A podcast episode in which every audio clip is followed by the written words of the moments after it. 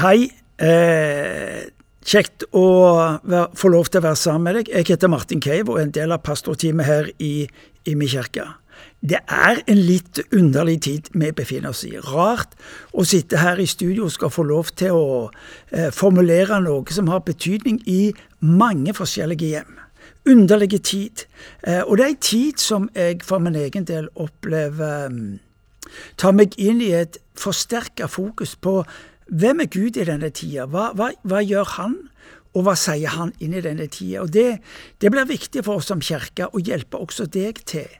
Men så er det viktig for oss også å se eh, hverandre, eh, de som er rundt oss i det daglige, men ikke minst dette også få lov til å se de andre. Det å ta vare på andre, det å være åpen for Guds innskytelser, til å eh, våge å telefonen til mennesker som trenger en oppmuntring, trenger ord om håp, trenger ord om trøst. Så når du hører eh, på denne gudstjenesten, så spør deg samtidig hva kan jeg få lov til å bety for de andre som jeg vet om, eh, kanskje noe som jeg ikke har så mye med å gjøre, eller den nære forbindelsen. Det kan være kollegaer, det kan være familie, og det kan være venner. Gud ønsker å si noe inn i menneskers liv, og da bruker han deg og meg. Så lykke til med det. For deg som har fulgt med oss her i IMI, så har vi denne måneden hatt et fokus på uh, Guds familie. Kanskje tenker du ja, ja, ja, det var noe lite spenstig og heller litt kjedelig. Uh, men på ulike måter har du denne måneden fått et møte med det som Kanskje vi skal få lov til å se var Guds masterplan når han handler inn i denne verden. Det han planla med menneske og med familie, ble ødelagt, ødelagt da mennesket valgte å kjøre sitt eget løp. Men så gir ikke Gud opp. Gud gir et løfte om at det skal komme en dag hvor han skal gjenopprette det som ble ødelagt. Og så går historien, og gjennom historien så får vi øye på dette her eh, forunderlige av at han kaller mennesker han eh, gir de eh, et liv, han gir de en målsetning, og sakte, men sikkert så utfoldes denne historien. Abraham, Isak og Jakob. Og fra Jakob får vi hans tolv sønner, tolv familier, og fra disse tolv familiene så får du igjen et eh, folk og en nasjon som har en unik betydning inn i denne verden. Og så fortsetter dette videre, fram til Jesus Kristus hvor Jesus omtaler seg som den andre Adam. Den første Adam valgte å gjøre Gud imot, valgte å gjøre opprør, valgte å gå sin egen vei. Så blir altså Jesus Kristus utgangspunktet for Guds nye familie. Og det er fascinerende, for så blir alt det som skjer med Jesus, alt det du og meg leser i Bibelen, knyttes opp til nettopp denne forståelsen av at Gud har etablert en ny familie. Eh, du møter det i dåpen. Dåpen er noe langt mer enn vann og et navn.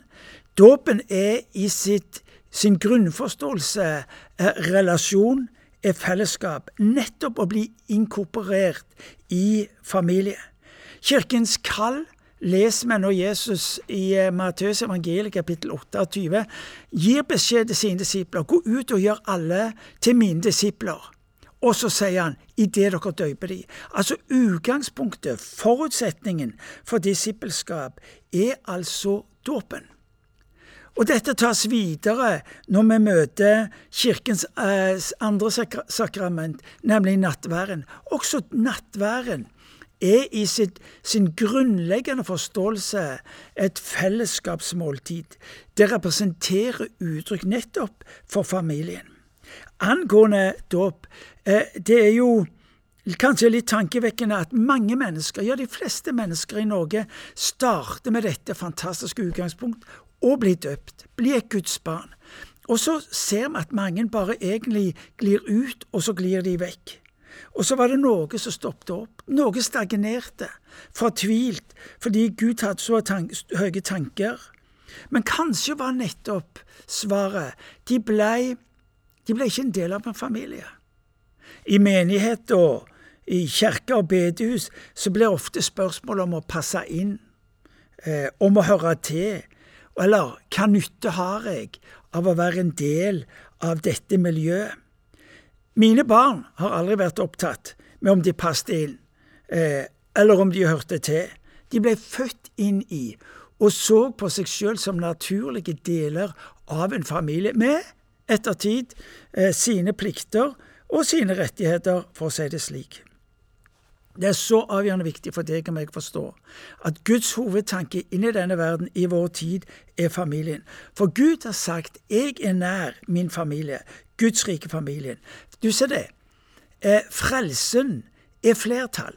Frelsen er dette unike å bli en del av Guds frelse få etablert en gudsrelasjon, men samtidig er det også å bli en del av denne familierelasjonen. Du har denne her vertikale linja, relasjonen med Gud, og så har du relasjonen, den horisontale linja, eh, relasjonen med mennesker. Og Det er så avgjørende viktig for deg og meg å forstå det. For det var aldri tenkt at din Eh, vandring og din tro som en Jesus-etterfølger skulle være en ensom vandring. Fordi du og meg trenger hverandre. Du og meg trenger når livet blir krevende, blir utfordrende. Ja, da trenger jeg at noen eh, går med meg, eller jeg får lov til å gå med noen. Men det er ikke bare et sted som jeg skal få lov til å se. Her får jeg hjelp til å møte utfordringene. Det er et faktum at det er i familien livene våre formes. Det skjer i det menneskelige, men det skjer også i det åndelige. Det å få lov til å bli forma sammen, det å få lov til å fullføre et oppdrag sammen. Luther sier det slik du kan ikke være en kristen uten at du er en del av en menighetsfamilie. Hvorfor er det så viktig? Hvorfor er det så viktig? Jo, hvis ikke du og meg forstår som familie, ja, så ender vi veldig lett opp sånn type enkeltmannsforetakene som med, en del av den samme bedriften, men vi har lite med hverandre å gjøre. Samme familie, sa, sammen med familien, så skal altså du og meg få lov til å oppleve hverandre som søsken, som sønner og som døtre, som har en felles far. Jesus sa til Peter Peter, på deg vil jeg bygge min menighet. Det han ser på mennesket, ønsker jeg å bygge min familie. Jesus sa på spørsmål en gang han så på sine etterfølgere som sin sanne familie. Så det jeg vil at du skal få tak i, det er jo rett og slett Guds prosjekt er familien. Og har nesten sagt enda en gang, la oss se tilbake på urkirka Jerusalem, hvor familien hvor hjemmene var utgangspunktet og nøkkelen til en fenomenal vekst. Eh, både tallmessig Evangeliet ble spredt over hele Romerriket, men det fikk også betydning for mennesker i deres daglige liv. Urkirka leser vi sammen, og vi skal lese det sammen fra Apostlenes gjerninger, kapittel eh, 46 til 47. Og der leser vi hver dag holdt de trofast sammen på tempelplassen, og i hjemmene brøt de brødet og spiste sammen med oppriktig og hjertelig glede. De sang og lovpriste Gud og var godt likt av hele folket, og hver dag la Herren til nye som lot seg frelse.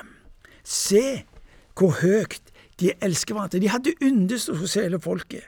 Og dette mønsteret med å møtes i hjemmene, følge dette enkle prinsippet om hvordan dele Guds ord sammen, dette mønsteret tok de med seg over hele Romerriket, og Romerriket blir nådd gjennomsyra i løpet av 300 år. Guds rikedemonstrasjonen inn i deres tid var ikke kirkebygg eller rare klær, men normalt og naturlig familieliv. Storfamilien, såkalt kjernefamilier og enslige, tilhørte den samme store og utvida familien, og så behandla de hverandre deretter. De hadde en rytme for livet sitt som eh, forvandla denne verden. Det var samling på tempelplassen, og så var det fellesskapet i hjemmene. Og det er jo litt interessant at i vår tid, hvor alle er nødt til å være hjemme, blir faktisk hjemmene også en base for en ny type gudsrike liv. Se på den tida som du har, nettopp til å utvikle dette gudsrike livet som du får lov til å ha i din egen familie. Det ble en demonstrasjon av hvem Gud var i denne verden. Eh, de var unge, unge som kirke. De var umodne som familie. Det var lite kunnskap og erfaringer i den første kirka, men de forvandla sin by, og de forvandla sin verden. Hva kan dette da bety for deg og meg i dag? Eh, jeg må innse at jeg, enten jeg er singel eller jeg tilhører kjernefamilien, så trenger jeg å bli en del av en større helhet, av en utvidet familie. Og nettopp det er også vår historie her i IMI.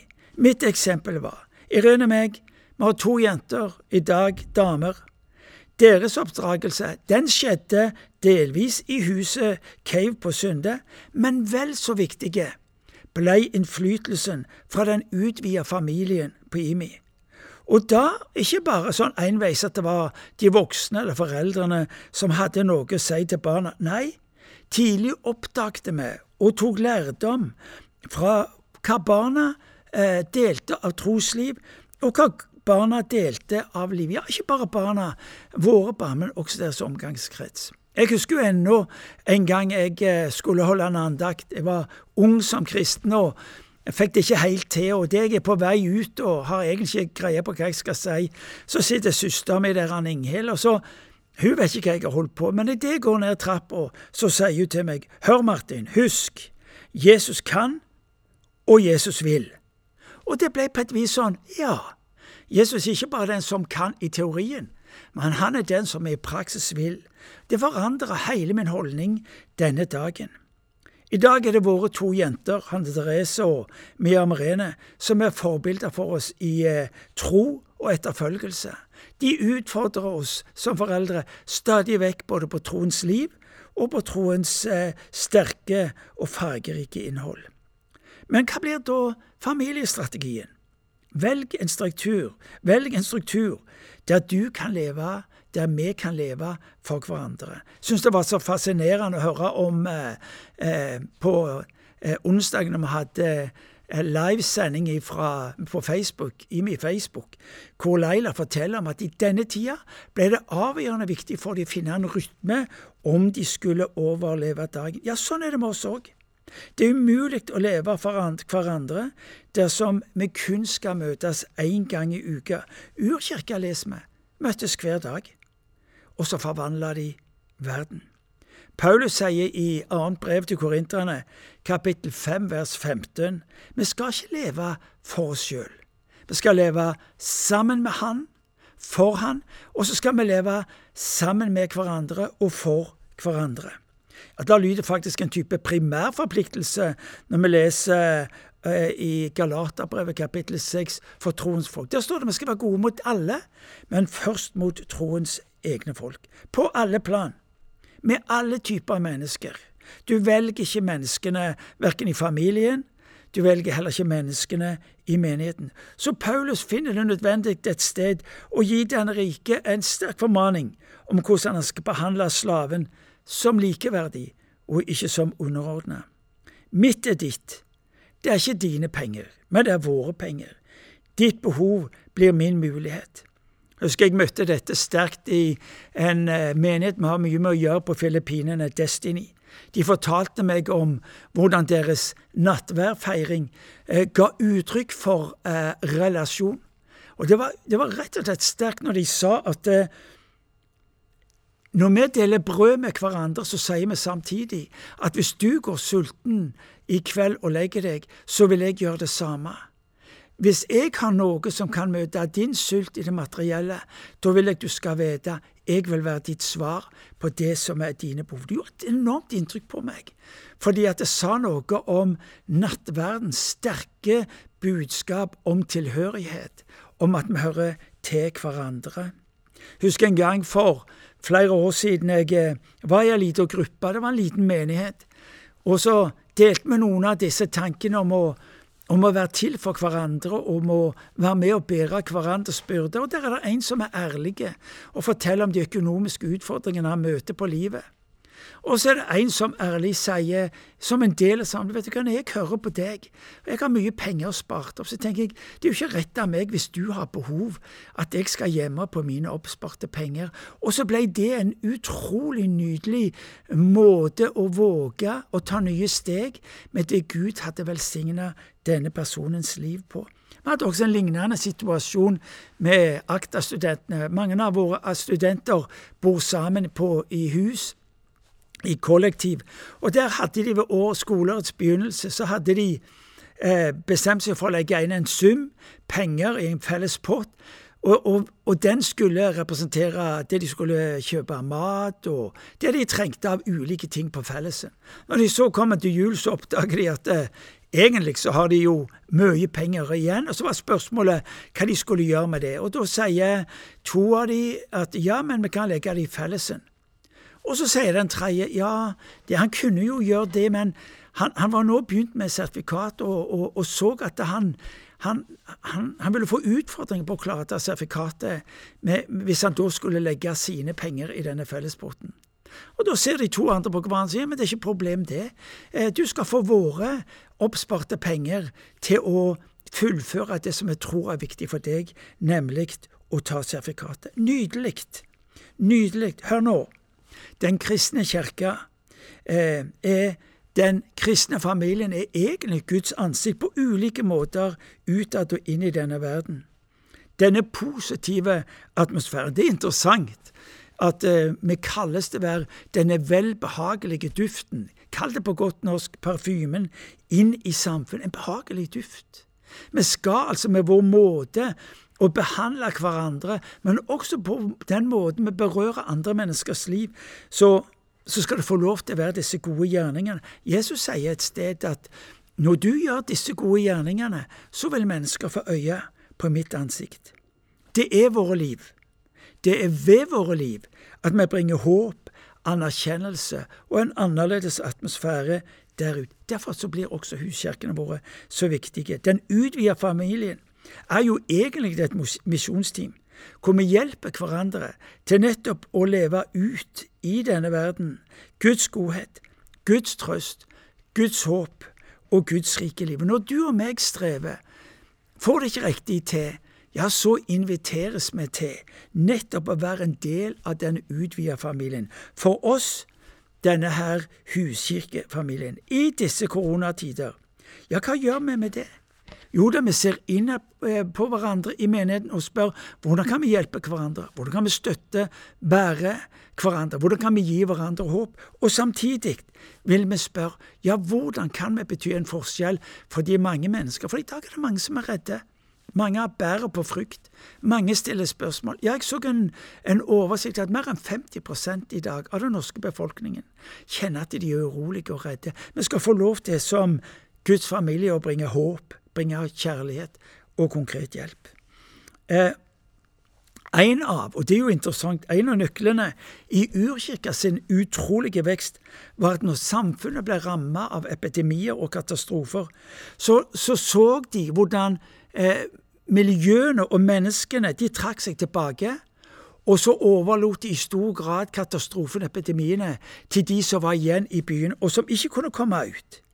Men det som vi da leser av historien, det var jo at kirkens folk de flytta inn i disse områdene. Jo, mange døde, men det som òg skjedde, det var at mange ble immune mot eh, eh, epidemien. Og så ble de til liv, et gudsrike liv for mange. Historikerne forteller i ettertid at denne kostbare kjærligheten ble nettopp en demonstrasjon av Kristi kjærlighet inn i denne verden. Tidlig leser vi i Bibelen eh, når Kaiv konfronteres med 'Hvor er din bror?' og Kain svarer 'Ja, skal jeg ha omsorg for min bror? Skal jeg være min brors vokter?' Ja. Du er kalt til å være din brors Nei, ikke vokter, men til å være din brors hjelper. I disse dager så ringer Irene, min kone med ansvar for huskirken i IMI, til alle navn som er på listene våre, flere hundre navn. Vi vil ikke at mennesker skal leve alene eller i uforpliktende fellesskap. Det blir vanskelig å være familie for å være sammen med de som på et vis eh, er fraværende eller plasserer seg utenfor. Hør nå, vær god mot deg sjøl. Vær god mot deg sjøl og andre, for denne verden, den trenger at mennesker våger å være familie for hverandre. Denne verden spør ikke til frelse, den er opptatt med å få lov til å komme hjem. Derfor trenger verden deg til å være en del av denne familien. Hva er egentlig Kirka sine gode nyheter? Hør nå, det er velkommen hjem.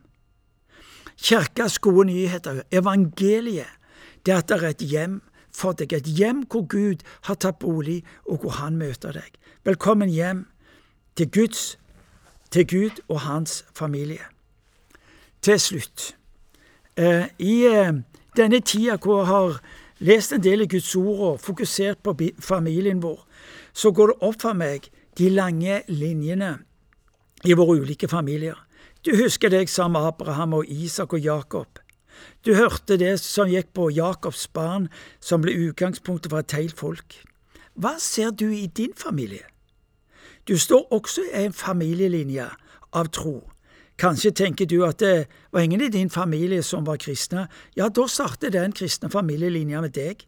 I dag. Ikke bare lev for øyeblikket, men lev for de som kommer etter deg. Eh, for det, en hel nasjon ble dette en, en enorm kraft for Israel. Abraham, Isak og Jakobs Gud ble bekjennelsen full av kraft, full av håp, full av forventning. For hva Gud hadde gjort mot Abraham og Isak og Jakob, det ble også folkets bekjennelse. Det vil han gjøre med de som kom etter. Irene og meg kom ikke fra noen kristne familier, men vi er bevisste på at vi er en ny familielinje som starter med oss.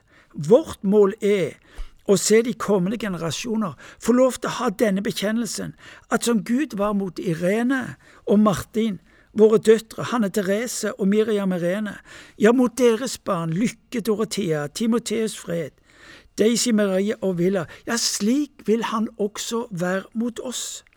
Og det, kjære seer, det starter for mange av oss i dag. For andre vil det være tro mot det kallet om å være en gudsrike familie inn i vår tid.